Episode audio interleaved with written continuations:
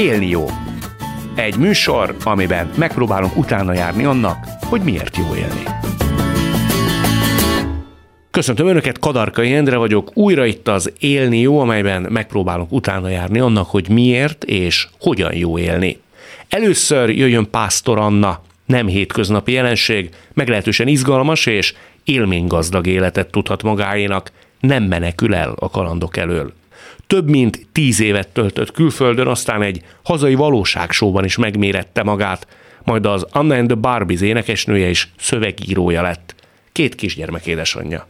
Te laza vagy, vagy csak lazának látszol? Tudok nagyon laza lenni, amikor abban a környezetben vagyok, ami a feladatom. Tehát van egy misszióm, és ott végtelenül azzal tudok lenni. Tehát, hogy én hogy merek ennyi ember elé fölmenni, és dolgokat véghez vinni, hogy merek elvállalni egy olyat, hogy a Nemzeti Színházban rendezzél, és, és tudom belőle, hogy működni fog, hogy megyek, merek odállni egy stáb elé. Ez szakmai öntudat, nem? Önbizalom. De én nem vagyok rendező. Oda megyek egy stáb elé, a Nemzeti Színházba, aki veretes, hatalmas rendezőköz van szokva, és a legnagyobb tiszteleten azt mondom, hogy a világ legjobb dolgát fogunk megcsinálni, mert akkor ötletem van, és, és tudom, hogy működni fog. És néznek, hogy mi van, és elhiszik mert érzik bennem azt a lüktetést, és megmondom, hogy nem tudom hogy, mert ti ehhez meg ehhez, ehhez értitek, a legnagyobb tiszteltem melyek utánatok, de nekem az a koncepció van, vú, és oda kell eljutni, segítsetek. És el is fogadták, és el, alád mentek ilyen szempontból az akaratodnak. Ehhez végtelen tisztelet kell, és az akaratot úgy, hogy az akarat odaszól, nem ellenük. És mikor nem vagy laza? Oh, van, amikor megakad a lemez, amikor saját mocsaramba beleragadok, amikor nem úgy teljesítek magammal szemben, a, a környezetemmel szemben, tehát itt is vannak olyan dolgok, amit, amilyen szeretnék lenni. Amilyen a színpadon, na, na, mert visszanézem néha ezeket az interjúkat, meg visszanézem magamat a színpadon, és így hallgatom, hogy ez miért nem lehetne 24 órába? Mi hiányzik egyébként? Ez a tér, amiben most mi vagyunk, ez egy elemelt tér. Itt megnyílnak olyan csatornák, és spirituálisan hívjuk ilyen csatornának, vagy olyan csatornák, vagy ez, hogy egy-két ember egymásra figyel. Itt megnyílnak olyan csatornák, ami elemeli az embert a hétköznapokból, és sokkal fókuszáltabban gondolkozik, és koncentrál azokra a zseniális kérdésekre, amiket felteszel. És ilyenkor olyan, mint a saját magad pszichológusa lennél, vagy te vagy az én pszichológusom, és nagyon szépen gyógyulunk együtt, meg a nézők is, akit érdekel, és ilyenkor elemelkedik az egész, ez az élet, ahol élni kéne, mint ez a beszélgetés, vagy a színpadi lét. Amikor tudod, nem, nem tudsz meghalni a színpadon, mert hogy, hogy ott az, az nem az. Tehát az az, az 5D. Írjuk 5D-nek itt is. Beszélgetünk, érdeklődünk egymá, egymásra. Mikor bejöttem, akkor hol van a gyerek, kérek egy vizet, mint a, ez, ez a 3D plusz-minusz. Amikor egy ilyen elemert térbe vagyunk, a, akkor tudok laza lenni. És oda vágyok. És nekem az a feladatom, hogy létezzek a 3D-be, ahol piszlicsári dolgok vannak, és húznak le a mocsárba, és saját magamra is haragszok, vagy néha a környezetemre, grampi vagyok, stb. És akkor innét tudjak ugrani ide, és itt teljesíteni tudjak, és ragyogni, és húzni magamat, és másokat is ide föl. Igen, de akinek például nem adatik meg az, hogy legyen egy 5 platformja, nem mindenki olyan szerencsés vagy tehetséges, hogy a színpadra tudja mindezt kivetíteni, vagy exponálni, az hogy rángassa ki magát mindabból, ami rátör? Az 5 platform az nem csak színpad, és nem csak rádió, és nem csak podcastok, hanem mindeni ember pontosan tudja az ő 5 d Azért vagyunk a 3D-be, mert még valamit elcsesztünk az 5D-be, hogy szépen hmm. fejezzem ki magamat, és helyre kell hozni. És a földhöz ragadtabban kérdezem, tehát, hogy mindenki megtalálhatja a saját magának tetsző, kiteljesedést ígérő, tevékenységet, létállapotot, de nem jutott, vagy nem jut el oda uh-huh. az szerinted mi múlik? Úgy is kérdezhetném, hogy mi a legnagyobb gátja annak, hogy boldogok legyünk? Uh-huh társadalom, az egész világ felépítése, és az a rendszer, amit tulajdonképpen, amire rábólintottunk, és nem, nem, most nem feltétlen csak a magyar társadalomban, az egész világnak a felépítése alapvetően egy olyan dogmatikus rendszer, ától születéstől halálig, ami tulajdonképpen duracell elemeknek használja az embereket, mint a Matrixban, sajnos. És amikor megszületik a kisgyerek, mint amikor először megy az iskolába, hátizsák, rohadt nagy hátizsák a hátán, de még vidám.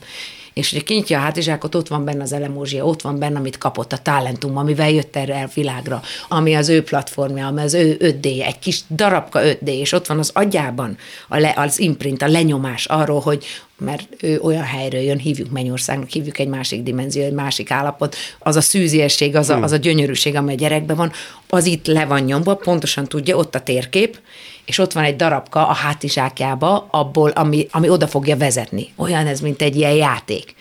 És hogyha hagyjuk Józsikát, hagyjuk Pistikét, hagyjuk Ágikát, akkor ők szépen a belső térkép alapján meg fogják találni, hogy ők cipőfelső részkészítők szeretnének lenni, ők meg hangszerrel foglalkozni, ők meg riporterek szeretnének lenni, és amikor valaki érzi, hogy abban a óriási nagy útvesztőben, ami a társadalom által kijelölt kis utacska, ami csak előre visz és egy irányba, a, arról, hogyha meg tudta találni a maga kis platformját, a maga kis szentélyét, ami ezzel is rezonál, meg ebbe, ezzel is rezonál, akkor onni ott, ott, ott ragyog körülötte a világ. Hm. Te majdnem megtaláltad ugye a táncba. Te bekerültél külföldön Londonba uh-huh. egy balett főiskolára. Kortás balett, igen. Kortás balett uh-huh. főiskolára.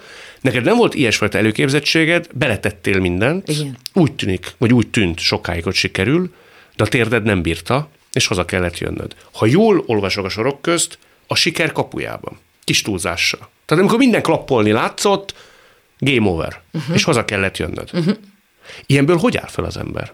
Na, amit én megtapasztaltam a kudarcokkal kapcsolatban, hogyha a kudarc az egy olyan kulcs, amit ha megfejtesz, olyan kulcs, titkos üzenet a világtól, amit ha meg tudsz fejteni, akkor óriási ugrasz. Tehát volt olyan kisbaba, aki nem tudott megszületni, sajnos elvetéltem. Meg kellett fejteni, hogy miért. És abban a pillanatban, amikor megfejtettem, hogy miért történt, dzsuf, óriás ugrás, és a lelkileg, a nőileg. El is mondott, hogy mi volt a baj, hogy miért nem születhetett meg? Ö, hát az, a, a kettő kisbaba is volt, a, a, a, az egyiknek eleve nem volt szívhangja, nyolc hetesen, és a, a másik kisbaba meg, meg sajnos halmozottan hátrányos. De hogy mi volt a tanítás? Azt mondod, hogy rájöttél igen. a magasabb rendű okára. Igen, igen, igen, nagyon. Az a fajta készenléti szint, ami én voltam, mint anya, az nem volt elég ahhoz, hogy, hogy én, egy, egy, én egy gyereket olyan színvonalon és olyan szeretettel és olyan mélységben tudjak nevelni, mint ahogy én azt most csinálom. Én egy jó kis nyugis, ilyen hippi anyuka lettem. Jó, ugye itt a gyerek jön, megkaptam, jó, az is jött következő. Izé. A felelősség hiányzott volna belőled? A mélység. A mélység. A mélység, a lelki mélység, a vágy.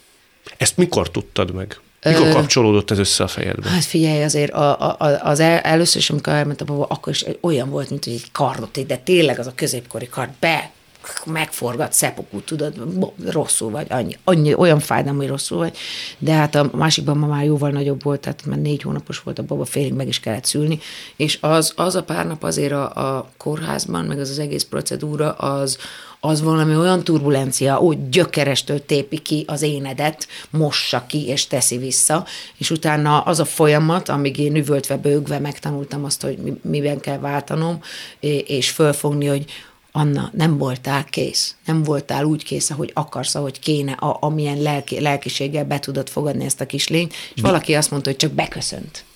De biztos, hogy mindez ilyen értelemben kéz a kézben jár? Nem utólagosan próbálunk meg, én is uh-huh. mutatok erre hajlamot, utólagosan valami fajta, nem azt mondom, hogy fölmentő ideológiát találni mindarra, ami történt velünk, de legalábbis magyarázatot és rendszert. Hisz így sokkal megengedőbben vagyunk képesek meghajolni a sors előtt. Ez teljesen igaz. Ez abszolút igaz, és ez tehát, hogy ez a tovább lépéshez is segít, de a tisztán tovább lépéshez a súlyoknak a letétele segít. Uh-huh. Hívhatjuk ezt kombinatorikának is, tehát, hogy én hm, talán azért, hogy mit tudom én, mit, de, és megyünk tovább. De hogyha csak úgy ö, nyugtázzuk, hogy itt volt egy óriás fájdalom, mindegy, megyünk tovább, ezek húznak hátra. És egy idő után olyan lesz, mint a deltába tudod, kopcsakó, kopcsakó, kopcsakó, és nem bírsz tovább menni, és valahogy nem megy előre az élet, és ezeket le kell nyisszantani. Tehát, hogy ezeket úgy lehet lenyisszantani, hogy megértjük, megfejtjük, és látjuk az életnek a játékosságát, mint egy videójáték, hogy miért kellett a Sonicnak 40 ezerszer beleesni ugyanabba a kútba. Hát rosszul ugrott. Belevágtam a szabadba, a gyerekeket említetted Igen. először, és a további kudarcokkal kapcsolatban milyen tanulságokig jutottál?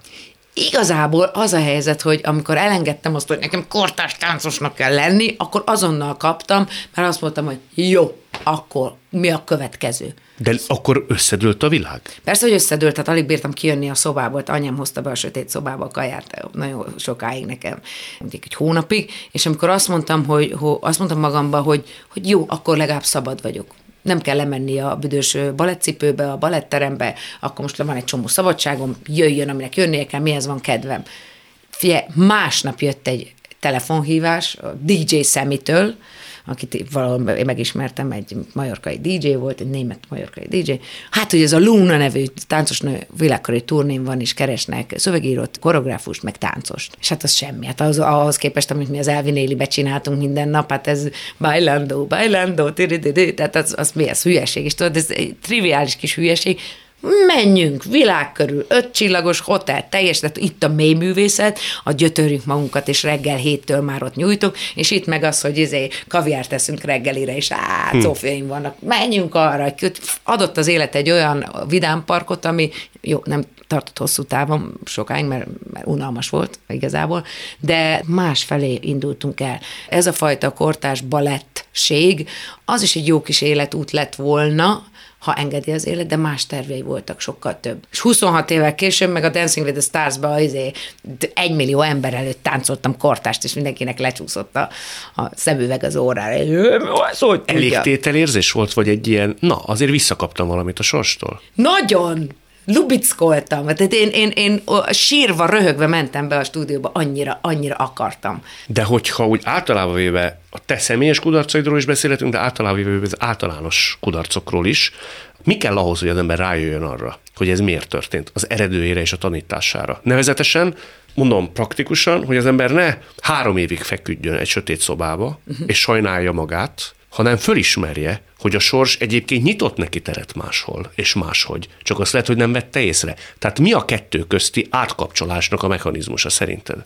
Rá kell először is jönni, és az nem mindig sikerül, hogy ez függőséget okoz a szenvedés. Tehát ebbe benne lehet maradni. Én szegény, megint nem, én megpróbáltam, de nem, én már így meg, én, az asszony miatt, a munkám miatt, a főnököm miatt, maga, az, az életver, az élet, tönkrement a lábam, és ebbe benne lehet maradni, és akkor azt mondja az életnevű játék, hogy kiestél. Hmm bocs, figyelj, nem vetted a izét, tudod, mint a nyúl elugrik ezelőtt, ezelőtt, ezelőtt egyszer segbe lövik, akkor izé nem tud tovább menni. Ha, bocs, ez volt a játék lényege. Tehát te Freudal élve, azt hiszem ő írja ezt le valahol, hogy nyilván a nagy tragédiákat leszámítva, ha az ember nem akar szenvedni, akkor nem kell szenvednie. A szenvedés az egy jel, az egy tanítás, az egy kegyelmi állapot, az egy olyan kézifék, amikor az élet azt mondja, hogy állj, van más is. Akarsz elmenni más felé? És hogyha miért nem megyünk tovább, hogy ezt elengeded, akkor rá tudsz arra jönni, hogy igen, más, mi más? Mi van még? Hmm. Úgyhogy a, a, játékra kell nyitottnak lenni. Ha nem vagy nyitott a játékra, akkor ezek a kis pofonok úgy is lehúznak. És valamelyik izé ilyen pofonnál azt fogod mondani, hogy elfáradtam. Fő, kész. Te eldöntötted, hogy te akarsz játszani egy életen át, vagy ilyen szerencsés személyiségképleted van, hogy folyamatosan ott van benned a pajkosság? Nagyon szerencsés vagyok. Volt egy olyan periódusom, pont a szülés után, szülés utáni depressziónak hívják, azt hiszem, hogy egy teljes fáradtság. Tehát úgy, hogy az élet ment ki belőlem, és, és fogytam, és nem értem, és, és tényleg egy ilyen szűkültek a falak. Tehát reggel tízkor éreztem, hogy vú, vú, vú, egy percet se akarok többet élni. Hány másodpercet kell még letöltem, hogy vége legyen az életnek. Ide jutottál? Nagyon-nagyon mély. Nagyon-nagyon, nagyon durván mély, és ez, ez legalább egy három évig tartott. Ez. De nem voltak szuicid gondolataid, vagy hasonlók? Figyelj, eljutottam odáig is, olyan, olyan szinten volt szuicid, nem úgy, hogy meg kéne ölni magam, hanem olyan szinten volt, hogy, hogy mondjuk mentem le egy nagy lépcsőházba, és akkor úgy hú, de magasan vagyunk, mi lenne, ha kiugranék. Ilyen eddig, és akkor Jézusom, azt a bravo, jó helyen vagyunk. Az volt bennem, hogy gyógyszer nem, rájöttem, hogy mások nem nagyon tudnak segíteni. Mehetek ide, meg oda, meg oda, de mindenhol magamat hallgatom meg és már 40-szer mondom el a pszichológusnak, a bárkinek, a haveromnak, a barátnemnek ugyanazt, de, de nem tudok tovább lépni, úgy, hogyha magamat nem húzom ki a mocsárból. És akkor elkezdtem kapaszkodni a miniatűr kis fűszálakba. Jó, higgyünk a holdba, olvassunk, mit tudom én, buddhista tanításokat, stb. Jó, működik, nem, de, de, tovább. De mindegy, egy kicsit segített abból, hogy kicuppanjak magamból, és végre odáig elérjek, hogy, hogy Anna, akarod ezt még csinálni? Akkor sorolt föl, hogy mi, mi az, a, ami nem rossz. Hát tulajdonképpen élek, tulajdonképpen végtagjaim vannak, tulajdonképpen jó nő vagyok, tulajdonképpen tök jó dolgokat csináltam, nem halok éhen, tulajdonképpen van két gyerekem, tulajdonképpen szeretnek, kíváncsiak rám, pénzem is van, tehát hogy, hogy dolgozok még mindig, tehát hogy, hogy belekapaszkodtam abba, hogy mi az, ami nem rossz. Azzal ellentétben, ami rám borult azon a nagy fekete felhő, fölvettem egy medált. Na ez a medál, ez a medál, ez, ez, ez engem gyógyít, ez egy gyógyító, ez a gyógyító medál, ez amíg rajtam van, purgál, tudod. Akkor megláttam a, a holdat a tengeren, mert elmentünk utazni, de utazás ilyen volt, de megláttam a holdat a tengeren, és akkor azt találtam ki, hogyha gondolatban végig sétálok azon az arany hídon, és elérek a holdig, onnitól kezdve én purgálva vagyok, én le, megtisztultam. És mentem gondolatban, hogy Anna teljesen hülye vagy, nem baj, megyünk a holdon, megyünk a holdon, odáig eljön. Ilyen baromságok kitalálod saját magad gyógymódjait, mert ki kell mert lehet, hogy a doki odaad valamit, bevesz, és két percig jó, de utána még mélyebb. Tehát, hogy itt valamit ki kell találni, egy kereszteződéshez érsz, és azt mondja az élet, a találós kérdése, hogy na, megfejted? Kincskereső játék. Megfejted, vagy nem? Egyszer, a, amikor ez a mély depressziós időszak volt, akkor Tóth Verocska barátnőm mondott egy nagyon jót, mert ő éppen kijött egy ilyen pánikrohamos időszakából, és azt mondta, hogy olyan érzés, mint hogyha szívinfarktosod lenne, olyan érzés, mint hogyha agygörcsöd lenne, olyan érzés, mintha meghalná, de az a vicces, hogy nem. És ezt, ezt, ezt mond a szemébe a, a pánikrohamnak, hogy gyere, nem fogsz tudni megölni, mert nem betegség vagy. Hmm. Gyere. És néha odáig érek, hogy jó, akkor vagy az van, hogy, hogy, hogy a szemébe köpök, most éppen írtam egy számot a Gyönyörű Szép Féreg címmel, és ez a félelemről szól, tehát nem a bélféregről, mint, mindannyi, mint annyi rajongó gondolja, nem azról, hanem ez a félelemről, ami belülről emész, hogy egyszerűen azt mondta, hogy gyere, gyere, gyere, gyere. És van, amikor már nem tudod azt mondani, hogy gyere, mert ott van, és rajtad ül. Papszami mondta egyszer, hogy rajta a félelem néha úgy szokott ülni, hogy rátérdel, és izé üvölt az arcába, tehát hogy látja. Te mitől félsz? Ha félsz valamitől a játék elvesztése.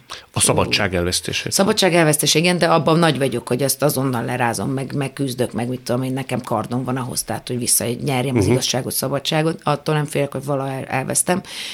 Tehát ha, hamarabb halok meg, mint a szabadságot elveszítsem. Uh-huh. Attól félek, hogy valami belső vagy külső körülmények által azt a játékosságot, ami maga az élet, ami annyira élvezetes, azt elvesztem. Az a nyitottság, az a fantázia? Az a gyermeki igény arra, hogy legyen következő perc perc, és történjen dolog. Ő történjen búval bélelt, boldog, változás, a változás, az élni akarás. Nekem mindig is egy fontos kérdés hogy volt, hogy vajon a hedonizmust, vagy nevezzük életélvezetet, uh-huh.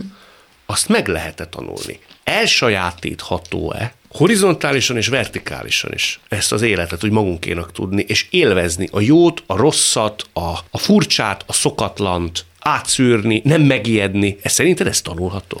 Nem úgy tanulható, hanem mindenki ebben születik. Tehát ha megnézed a kisbabákat, kevés depressziós van. akkor depressziósok, hogyha eleve olyan körülmények között, közé születnek, stb., és akkor is csak elkeserednek. De a, a gyerekbe a minden, a virág, az autó, az anya, a kkk, hm. minden iránt, tehát hogy ez, ez belénk van kódolva. Ezt elfelejtetni lehet. Viszont a nagyon jó hír az az, hogy erre emlékszünk. Tehát, hogyha erre egy, egy őrült, aki erről beszél, vagy e, e, erről ugrál, vagy erről besél, vagy egy film, vagy egy zene, vagy valami, ez azonnal visszanyúl oda hogy mi ezt tudjuk, hogy mi, a, mi az alap, hogy mi az értelme az életnek, hogy mi a játék. Ezt nem lehet kitörölni, ez az alaplemezen van rajta. Hmm. Megszületünk, és ott van. Hát azt rá, rá lehet tenni rongyokat, meg társadalmi burkokat, meg, meg melókat, meg kapcsolatokat, meg család, meg mit tudom én, meg adózás, meg mindent rá lehet tenni, de az alján ott van, és hogyha érkezik egy olyan inger, egy gitárszóló, átmegy minden hülyeségen, és egyszer csak ah, fú, valamire emlékeztem a gyerekkoromban, az első lassúzása. Jaj, tényleg hm. erre volt, ja, Queen, ha, milyen jó.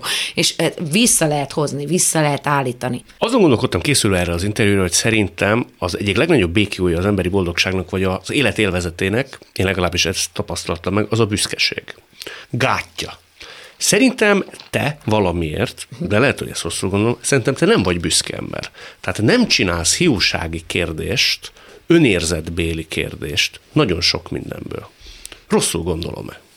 Na, jó, jó vagy, figyelj, figyellek, jó vagy, jó, figyelj. Nagynyanikém, aki teológus, zseniális fazon, 86 éves talán, és tudom, három nyelven olvassa a Bibliákat, de abból kettő hallott nyelv. És ő mondta egyszer, így jöttem valami balett Budapestről haza, csak gyorsan fölkaptam a nagypapám kabátját, meg a kucsmát, és rohantam haza, hogy ne kelljen annyi töltözködni, mert ugye balett, balett, balett, balett. És azt mondta a nagynénikem, Ancsika, azért annak örülök, hogy nem vagy hiú. Hmm. és az azt jelenti, hogy borzasztóan néztem ki. Ugyanebben a szedbe egyszer, amikor valami lomtalanítás volt, és egy, egy homeless emberke mellett turkáltam a, a szemétben, csak én lemezeket választottam, valaki kidobott bakeliteket. És én pú, ki, kiszedtem a szemétből, és hát ugyanebben az outfitbe voltam, és akkor a, a, a homeless bácsi, az otthontalan bácsi talált egy ilyen félig megrohadt kenyeret, és rám nézett, és úgy gondolt, hogy nekem jobban kell. Ne Igen. Jaj, az úgy gondoltam, jó, hát akkor ez egy szinte följebb kéne az outfitet emelni, tehát hogy lehet, hogy a divatnak nem kell megszállottjának lenni. Nekem mindig ilyen projektjeim vannak, tehát a büszkeség nem ártana, ha egy kicsikét büszkébb lennék. Tehát, hogy én, én mindig, ugyanúgy, mint amit az elején mondtam, hogy, hogy ott látok valamit a távolban, egy fényt, egy, egy elképesztően hívogató, hihetetlen jó játszási lehetőséget, ahova el akarok jutni bármi áron. És általában minden más, ami, ami például saját magam, az, az alatta van. Akkor is, hogyha adott esetben le kell adni a méltóságodból? Ö, igen, mert, mert nagyon föl tudom úgy fogni, hogy játék.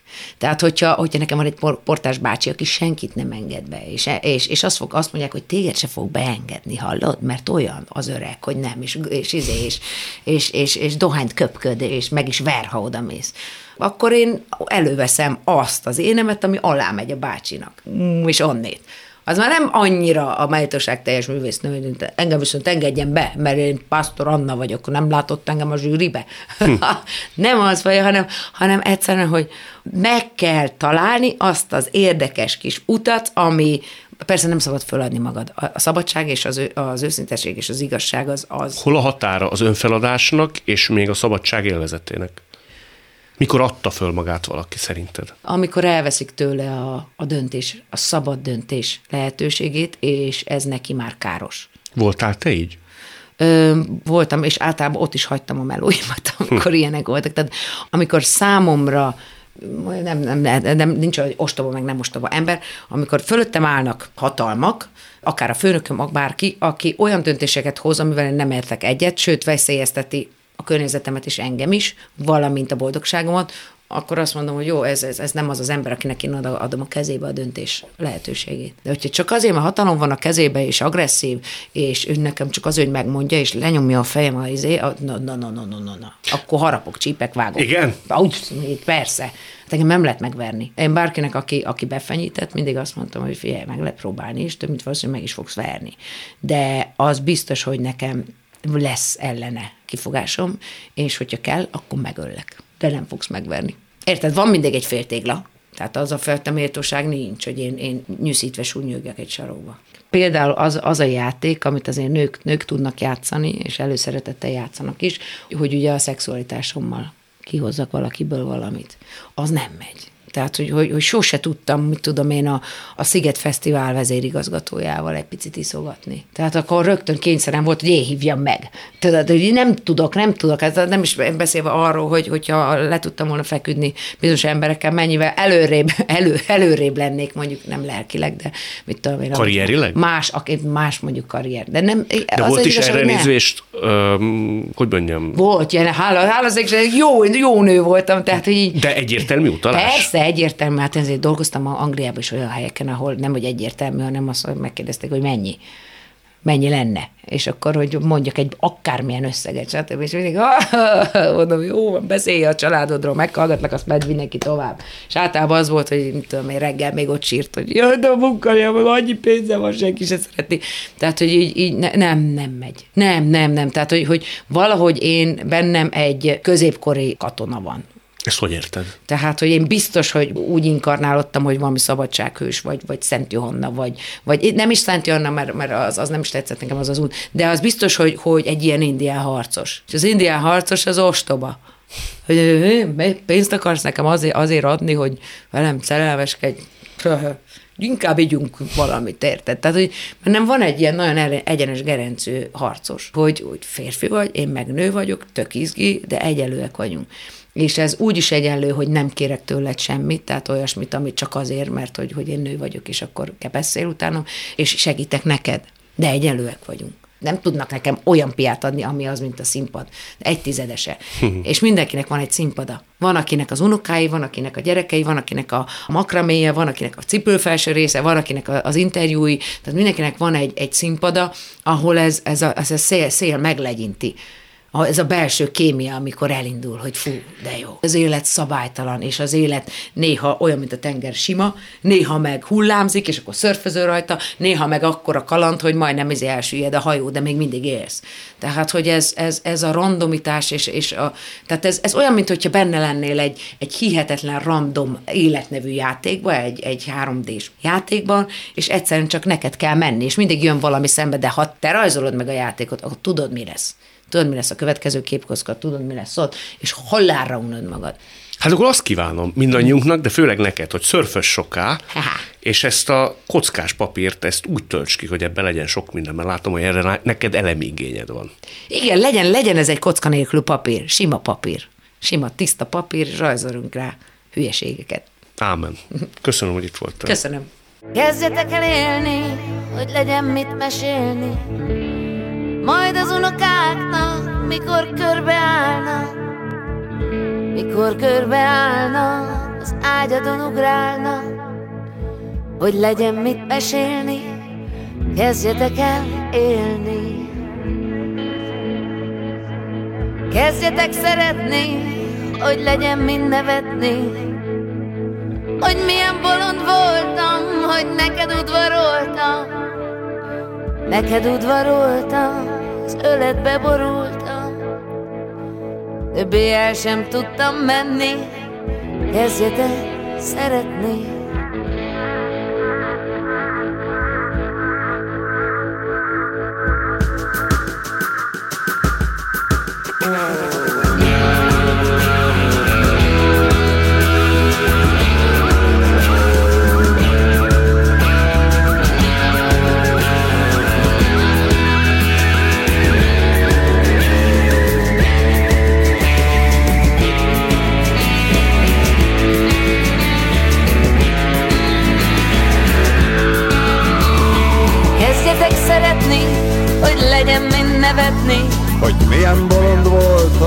Neked udvaroltam. Neked udvaroltam Az öletbe borultam. Többé el sem tudtam menni. Kezdjetek szeretni. Pásztor Anna után következzék Taskovics Adél, aki egy orvosi műhiba miatt már kisbabaként elveszítette a látását. A nehézségek ellenére életkedve töretlen, két diplomája van, több nyelven beszél, Országos és nemzetközi szavaló versenyeken és irodalmi pályázatokon indul, kulturális szervezőként dolgozik a Siket Vakok Országos Egyesületében. Azt mondja, neki az akadályok nem jelentenek problémát, megszokta, hogy vakként minden nehezített pálya. Ettől szép az élet. Jól tudom, hogy mi szegről végről tulajdonképpen kollégák vagyunk, nem? Lehet ezt mondani. Nekem az életemben egy nagyon nagy szenvedély a rádiózás. Ez egy, egy soha nem múló szenvedély lett az életemben. Akkor neked ez most otthonos, hogy egy ilyen rádióval beszélgetünk. Igen, tulajdonképpen otthonos. Már régen volt ilyen ilyen lehetőségben részem, mert most önkéntesként, majd mindjárt erről is kitérek, úgymond a túloldalon vagyok, tehát műsorvezetőként szoktam megnyilvánulni egy internetes rádióban, tehát meghívott vendég régen voltam. Azt mondanám, hogy mindenhol nekem is helyem van, és meg is mérettem magam egyébként kicsi gyerekkoromtól kezdve, még rajzversenyen is vettem részt. De Mi... szerinted ez a nevelés kérdése? Tehát ez azon múlik, hogy a te szüleid miképp neveltek? Egyértelműen. Erre szoktam azt mondani, hogy a gyerek az a szülőnek bizonyos értelemben a tükörképe. Lehet, hogy én születtem egy alap adottsággal, beállítódással, de ha én azt látom, hogy az, az én szüleim otthon sírnak és keseregnek, hogy milyen szomorú az ő életük, hogy egy szerencsétlen vakgyerekük született, vagy orvosi műhiba következtében vakká vált, inkább ezt mondanám, mert az én esetemben ez a helyes, ha azt látom, hogy ők otthon sírnak és keseregnek, netán az utcára is szégyelnek velem kimenni, ha én a kezdeti évektől ebben szocializálódom, akkor nyilván nem olyan lesz a beállítódásom és az életszemléletem, mint most. Szerinted ők tényleg nem roppantak össze, vagy egész egyszerűen nem mutatták? Biztos vagyok benne, hogy mind a kettő megharcolta a maga harcát. Én nem mondom azt, hogy ebben a helyzetben minden ö, rózsaszín felhő és gondtalan volt. Én egy nagyon-nagyon várt baba voltam. Az mit jelent? Édesanyám nagyon régtől szeretett volna gyereket. 38 éves korában adatott meg, hogy én a világra jöjjek, és úgy látszik, hogy én bizony nagyon korán, nagyon sietősen szerettem volna megtapasztalni, hogy élni mennyire jó, mert hogy 29 hétre születtem és ennek következtében oxigén túladagolás, tehát inkubátorba helyeztek, és az oxigén túladagolás véget kezdtek el a szememben az erek, a szemerek burjánzani. Tehát hat hónapra rá születtél a fogantatáshoz képest, három hónappal korábban, mint azt várták. Igen. Betettek egy inkubátorba, és ott mit értesz orvosi műhiba alatt? Tehát hol érhető tetten a hiba?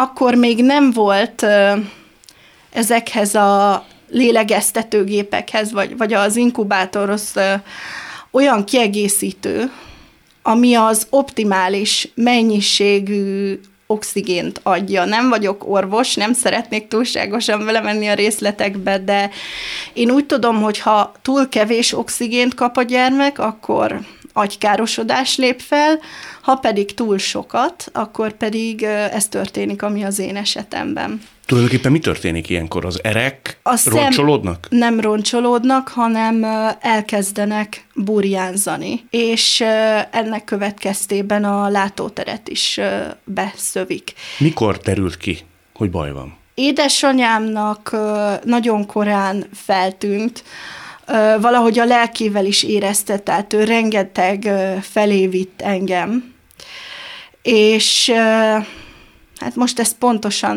nem is tudom megmondani, hogy tehát már egészen kisgyermekkoromban, babakoromban kiderült, hogy tehát nagyon szörnyű diagnózisokat kapott.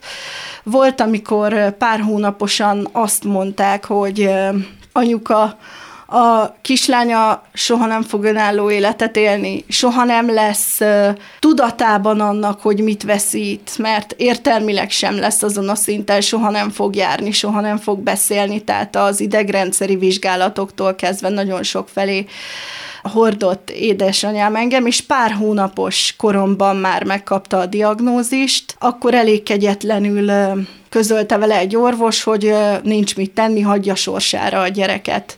Az egyik szeme bezárult, a másikon is elindult a folyamat. Édesanyám nem hagyott sorsomra, és Szegeden Pelle Zsuzsanna agyuntus nő mentett meg a szemem látásából annyit, amennyi most rendelkezésemre áll. Ez micsoda most pontosan? Ez a fényt és a sötétet meg tudom különböztetni a egymástól, nagy... tehát a fényt látom. A nagyon erős fényt, vagy tulajdonképpen a, a pislákoló is már valamennyire fellelhető? Ha nagyon pislákol, akkor nem. Tehát korábban többet láttam, most már inkább azt mondanám, hogy a, az erős fényt. Ez tájékozódáshoz elég, vagy épp annyira elég csupán, hogy az ember úgy nagyjából egészében lásson valamit. Épületen belül tájékozódáshoz elég, de a hétköznapokban, a közlekedésben azért nem igazán segít, inkább a közlekedésre a fehér botot használom.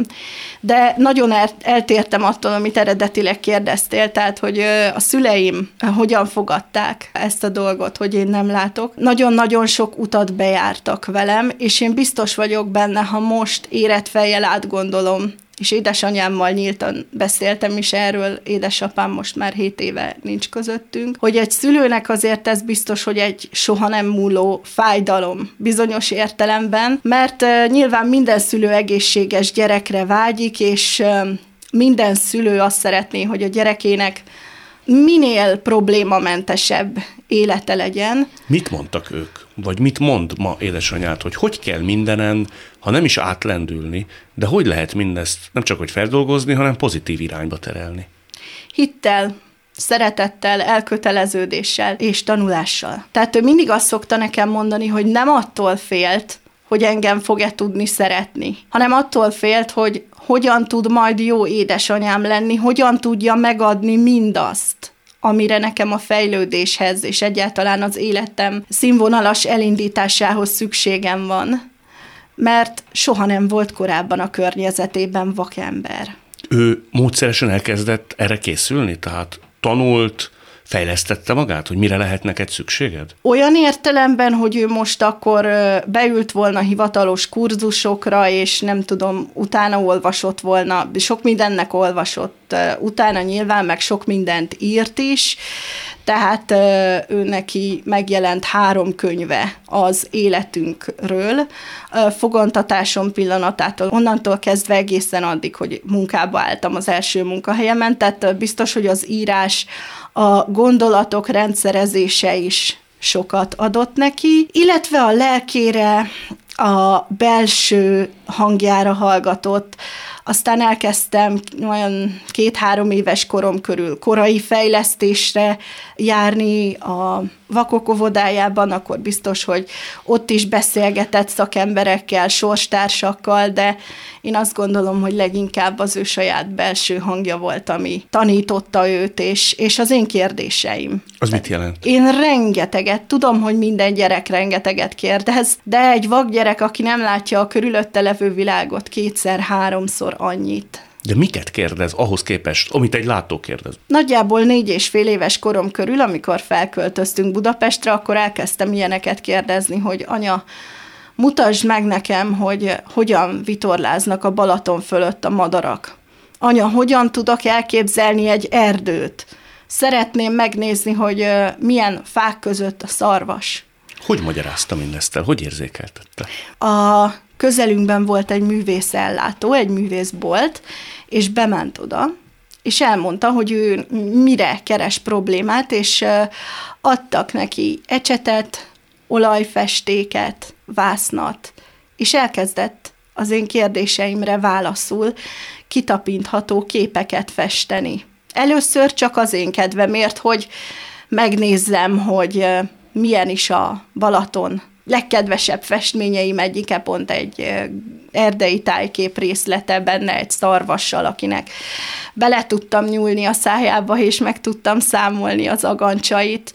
Tehát az én kérdéseimre válaszul kezdett el festeni, és ő mindig elmondja, hogy mezőgazdászként soha nem gondolta volna, hogy egyszer festeni fog, és kiállításai lesznek. Ugorva még egy picit az Igen. időben, Ugye úgy tudom, hogy az utolsó doktornő, akihez eljutottatok kislányként, azt mondta, hogy ha három héttel korábban érkeztek, akkor megmenthető lett volna a látásod. Igen, ő a Pelle agyuntus nő, akiről meséltem, volt is eszemben ez az információ, csak aztán nem mondtam. Igen. Adél, ilyen kérdést föl kell tenni, föltesz magának az ember? Hogy miért nem három héttel korábban jutottunk el oda? Vagy értelmetlen? Édesanyám föltette magának nem egyszer, de aztán ő maga is azt mondta, hogy ezen most már hiába, tehát hiába tépi a saját lelkét. Én kevesebbszer teszem fel, vagy manapság már nincs ez így jelen az életemben, mert mi lett volna, ha ha ezen kesergünk, akkor ezzel a saját életünket keserítjük meg, és, és csak ülünk és sajnáljuk magunkat, hogy miért nem három héttel korábban helyette inkább csinálok valami hasznosat. De ez nem volt mindig így. Én már csak halványan emlékszem, inkább édesanyám elmondásából, hogy olyan négy-öt éves korom körül már azon gondolkodott, hogy pszichológushoz fog vinni. Miért? Azért, mert egyfolytában azon keseregtem, mondtam neki, hogy anya, te mindent megoldasz nekem, te mindenben segítesz, mindent a kezembe adsz, tedd nekem lehetővé, kérlek, hogy láthassam az arcodat. És a családi elmondásokból tudom, hogy volt egy olyan mondatom akkor is, hogyha ez nem lehetséges, akkor meg miért nem inkább almafát neveltél helyettem?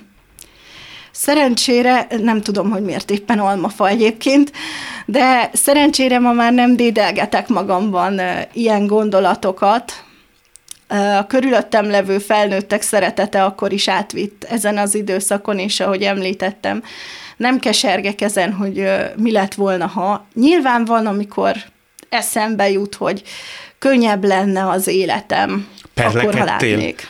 Perlekedtél, vagy perlekedsz is a sorssal néha? Hogy miért én? Nem. Nem perlekedem a sorssal. Valamiért nekem most ezt kell megtapasztalnom, és ebből kell kihoznom a legtöbbet. Tehát azzal, hogy perlekedem, és sajnálgatom magam, hogy miért éppen én, nem oldódik meg semmi, csak legfeljebb én leszek stresszes, szomorú, és ezt rajtam keresztül a körülöttem élők is megérzik. Te tulajdonképpen te akadályokat nem nagyon ismersz, ha így jól olvasok a sorok közt. Tehát ez neked azért valahol egy ilyen, lehet, hogy erőszakolt a kifejezés, de még valahol trambulinnak is mondanám, hogy kihozol belőle lehetőség szintjén minél többet. Ez így van. Ez így van. Akadálynak nem mondanám, inkább ez a trambulin hasonlat, ez nagyon jó, ez így nem jutott eszembe. Inkább azt mondanám, hogy olyan helyzet, ami egy kicsivel több odafigyelést, vagy energiabefektetést igényel, akár az én részemről, akár a környezetem részéről. De a déles felfogásmód kérdése? Egyértelműen. Ennyi erővel akkor, akkor azt is mondhatnám, hogy nem tudok, ezt sem tudok, és azt sem tudom megcsinálni, és milyen, milyen szegény, szerencsétlen vagyok, és, és mennyire megvert engem az élet. Nem sorolom, mert ez tőlem nagyon távoli. Tehát az a kérdés, hogy hogy tekintünk a problémára? Az a kérdés, hogy hogy tekintünk a problémára. Mert tekinthetek rá úgy is, hogy beleroppanok, valami antidepresszást szedek, vagy pszichológushoz járok, félreértés ne esik. Tehát nekem ezzel nincs semmi gondom abban az értelemben, hogy nem tekintem kevesebbnek azt az embert, aki ilyen segítségre szorul. Nem mint elrettentő példa mondom, de, de én magam, tehát nem szeretnék ilyen helyzetbe kerülni. Van ez a része, attól többet fogok látni. Attól könnyebb lesz. Nem akkor inkább tekintek rá így. Persze, néha egy kicsit elcsüggedek, és végigpörgetem, hogy lehetne másként is, de aztán azonnal ki lavírozok ebből a helyzetből, mert ha keserűen nézek rá, ha vidáman nézek rá, attól nem fogok többet látni, meg kevesebbet sem fogok látni. Az élethelyzet az attól ugyanaz, de viszont az élet szemlélet, a lelkesedés, az, hogy legyen miért felkelnem minden nap. Erre szoktam azt mondani, hogy mindenkinek magának kell megteremtenie, és maga felel azért, hogy milyen hangulattal kell reggel. Attól az életkörülmény még változatlan. Rajtunk múlik, hogy milyen hangulatba kelünk föl? Természetesen. Hogy kell előhívni a derűsebb, pozitívabb hangulatot, ha egyébként nem azzal a jó kedvel ébredünk fel? Egészen apró dolgoknak is lehet örülni. Kimegyek a körfolyosóra, vagy nem tudom, a teraszomra is hallom, hogy csicseregnek a madarak. Lehet, hogy valakitől kaptam reggel egy kedves e-mailt, vagy valaki felhívott telefonon. Vagy éppen tudom azt, hogy van, aki az én jelentkezésemet várja, és valakinek azt mondhatom, hogy szia, hogy vagy, mi történt veled az elmúlt napokban, és ő boldogan fog nekem beszámolni. Vannak barátaim, van mindig kivel találkozni, van egy nagyszerű édesanyám, aki mellé öröm leülni, beszélgetni, és megosztani vele, hogy mi történt velem a munkahelyen, és az életemnek minden szegmensével és minden szereplőjével tisztában van. Tehát nem kell itt mindig, hogy az emberrel közöljék, hogy megütött a lottón a főnyereményt, vagy nem tudom, most éppen valamilyen ösztöndíjat kapott, vagy nem kellenek az életben nagyon nagy dolgok. Csak éppen meg kell találni azt, aminek, akinek lehet örülni. Ugye tudomásom szerint te vagy a Metropolitan Egyetem első nem látó diplomázott hallgatója. Igen.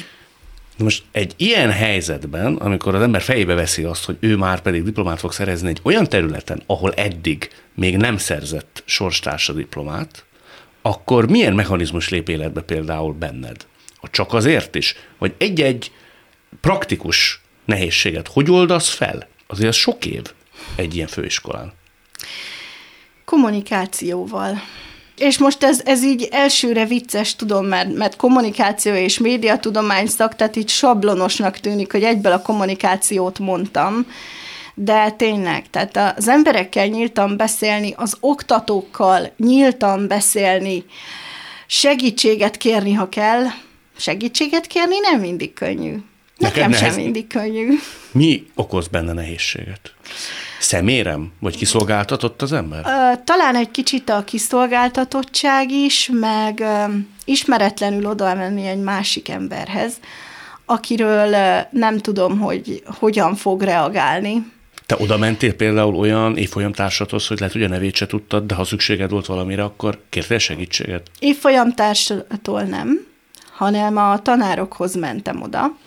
Ugyanis nálam úgy működött az egyetemi évek alatt a tanulás, hogy diktafonnal, digitális diktafonnal jártam egyetemre. Nyilván ezt tisztességesen akartam csinálni, minden egyes szemeszter elején. Én oda mentem az oktatóhoz, és megkérdeztem tőle, hogy ő megengedi-e nekem, hogy én felvegyem az előadást. Erre miért volt szükség?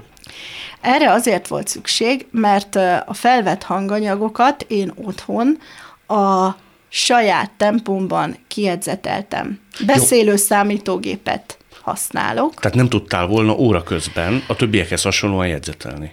Ezért volt rá Tudtam szükség. volna jegyzetelni, tehát ezt nem mondom, hogy nem tudtam volna jegyzetelni. Lehet, hogy több időre lett volna szükségem. Tehát a számítógépen írni, jegyzetelni nekem nem nehézség. Országos gépíró versenyeket is nyertem beszélő számítógép használatával, tehát az írás sebességével talán nem lett volna gond, de azért az információkat, minden fontos információt leírni, megjegyezni, észben tartani, hogy mit írtam le, és mi, a, ami időközben elhangzik. Tehát nem szerettem volna azt, hogy én újra és újra visszakérdezzek, és megakasszam a, az előadás menetét. Volt nagy megdöbbenés, amikor aztán látták azt, hogy mennyire helytálsz, és mennyire ki tudod köszörülni ezeket a problémákat vagy nehézségeket? Megdöbbenés? Ö, nem. Ez most egy kicsit így nehezen mondom ki, mert meglehetősen szerénytelenül hangzik talán, ami pedig rám nem jellemző, de inkább azt mondanám, hogy egyfajta példa voltam. Ha már anyukádat említetted, ugye azt jól tudom, hogy ő még néha ma is, ha úgy tetszik, várja a csodát, és úgy gondolja, hogy te még egyszer lehet, hogy látni fogsz. Szerintem igen.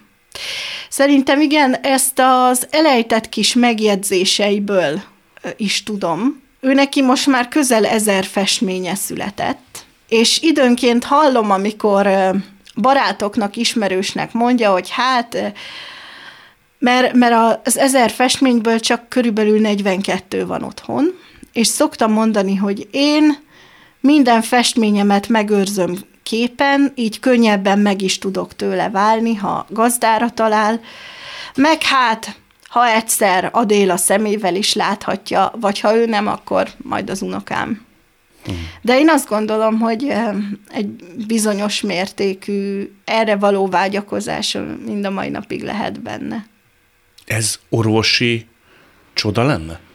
Egyelőre vannak kísérletek. Annyira nem mélyedtem el ebben a, az orvosi részében a dolognak, tehát pontatlan információt nem szeretnék közölni. Az én jelenlegi ismereteim szerint vannak erre vonatkozó kísérletek, de arra a jellegű szemproblémára, ami nekem van, most még nincs megoldás. Te mit szoktál reagálni mindenre, amikor anyukád tesz egy ilyen elejtett félmondatot? Végig gondolom, hogy szeretnék-e, szeretnék-e látni. Ha, ha megadatna a lehetőség, nehéz döntés. Valószínű, hogy nem tagadnám meg magamtól a lehetőséget. Említetted, hogy anyukád azt is megszokta pedzeni, hogy ha majd lesz unokája. Igen, nagyon szeretné. Nagyon szeretné? Igen. És te is gondolom. És én is nagyon szeretném, csak hát ahhoz egy olyan párt is kellene találni. Hogy haladsz e tekintetben most? Van valaki, aki erre a szerepre aspirál, vagy aspirálhat, vagy még aktív kereső vagy? Nagyon aktív kereső vagyok. E, Illetve ezt sem mondanám, tehát nem lógok társkereső oldalakon, és nem morzsolgatom a kezemet, hogy mikor jön már szembe a nagy ő. Öm, inkább azt mondanám, hogy egy, egy ilyen várakozó, befogadó állapotban vagyok, tehát azt mondom, hogy ha valakivel egy útra kell lépnünk, vagy be kell, hogy lépjünk egymás életébe, akkor hadd jöjjön. És voltál már szerelmes, ugye? Úgy tudom. Tehát volt ilyen nagy agyeldobós Vagy eldobálós időszakod? Vagy Volt kapcsolat? egy tartós kapcsolatom, jó néhány évvel ezelőtt, de az agyamat nem dobtam el. Tehát a realitást, szerelem ide vagy oda, akkor is megtartottam, és akkor is tettem a mindennapi dolgaimat, és nem volt ez, hogy én csak ülök és a semmibe révedek. Tartós másfél éven keresztül tartó kapcsolat az volt egy, igen. Aztán de- lehet, hogy a romantikusabb korszakodból találtuk ezt az idézetet, vagy mondatot, Igen. hogy azt mondtad, hogy ha megfogom a kezét, a sokkal jobb érzés, mint ha egy másik fiú kezét fognám. Jó érzés szerelmesnek lenni. Abszolút, igen. Mondtad te mindezt. Uh, jó érzés szerelmesnek lenni. A készfogás az egyébként is, tehát nem csak a romantikus értelemben véve, hanem egy baráti készfogás, egy rég nem látott rokontól egy készfogás, vagy tényleg egy, egy párkapcsolatban is a készfogás. A készfogás az különben is nekem nagyon fontos, tehát erre ezt szoktam mondani, hogy ez olyan, mint a látók között a szemkontaktus. És hát igen, vannak emberek, vannak helyzetek, amikor meg különösen jól esik, vagy másként esik az a készfogás. Hogy esik? Tehát egy olyan ember kezét fogni, aki a te szívednek a közepe, vagy aki nagyon fontos neked, annak a kezét hogy fogja az ember ahhoz képest? Mit érez akkor ahhoz képest, mint aki nem ennyire közel áll hozzá? Akkor az a béke szigete. Leginkább azt mondanám, hogy akkor megfogom a kezét, és akkor, akkor benne vagyunk a mi kettőnk is világában, ahol béke van, ahol meghittség van, ahol biztonság van, és történjen bármi. Tudom, hogy abban a másik szemében úgyis van egy, egy saját kis bázisom, és természetesen nem csak magamra gondolok ilyenkor, hanem ha neki van rá szüksége. Tehát, hogy ez egy kölcsönös dolog, hogy akkor én is tudok neki biztonságot adni. Hát kívánom, hogy sok ilyen kezet fog. Köszönöm szépen. Örülök, hogy itt voltál. Köszönöm, hogy itt lehettem. Pásztor Annából és Taskovics Adélból is szinte süt az élet szeretet. Az egyikük játékosabban, másik uktán tudatosabban, de szinte ugyanazt mondja, énekli. Kezdjetek el élni, mert élni jó.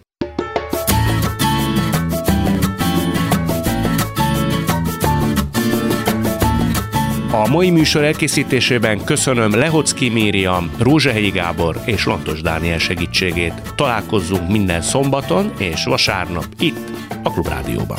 Viszont hallásra!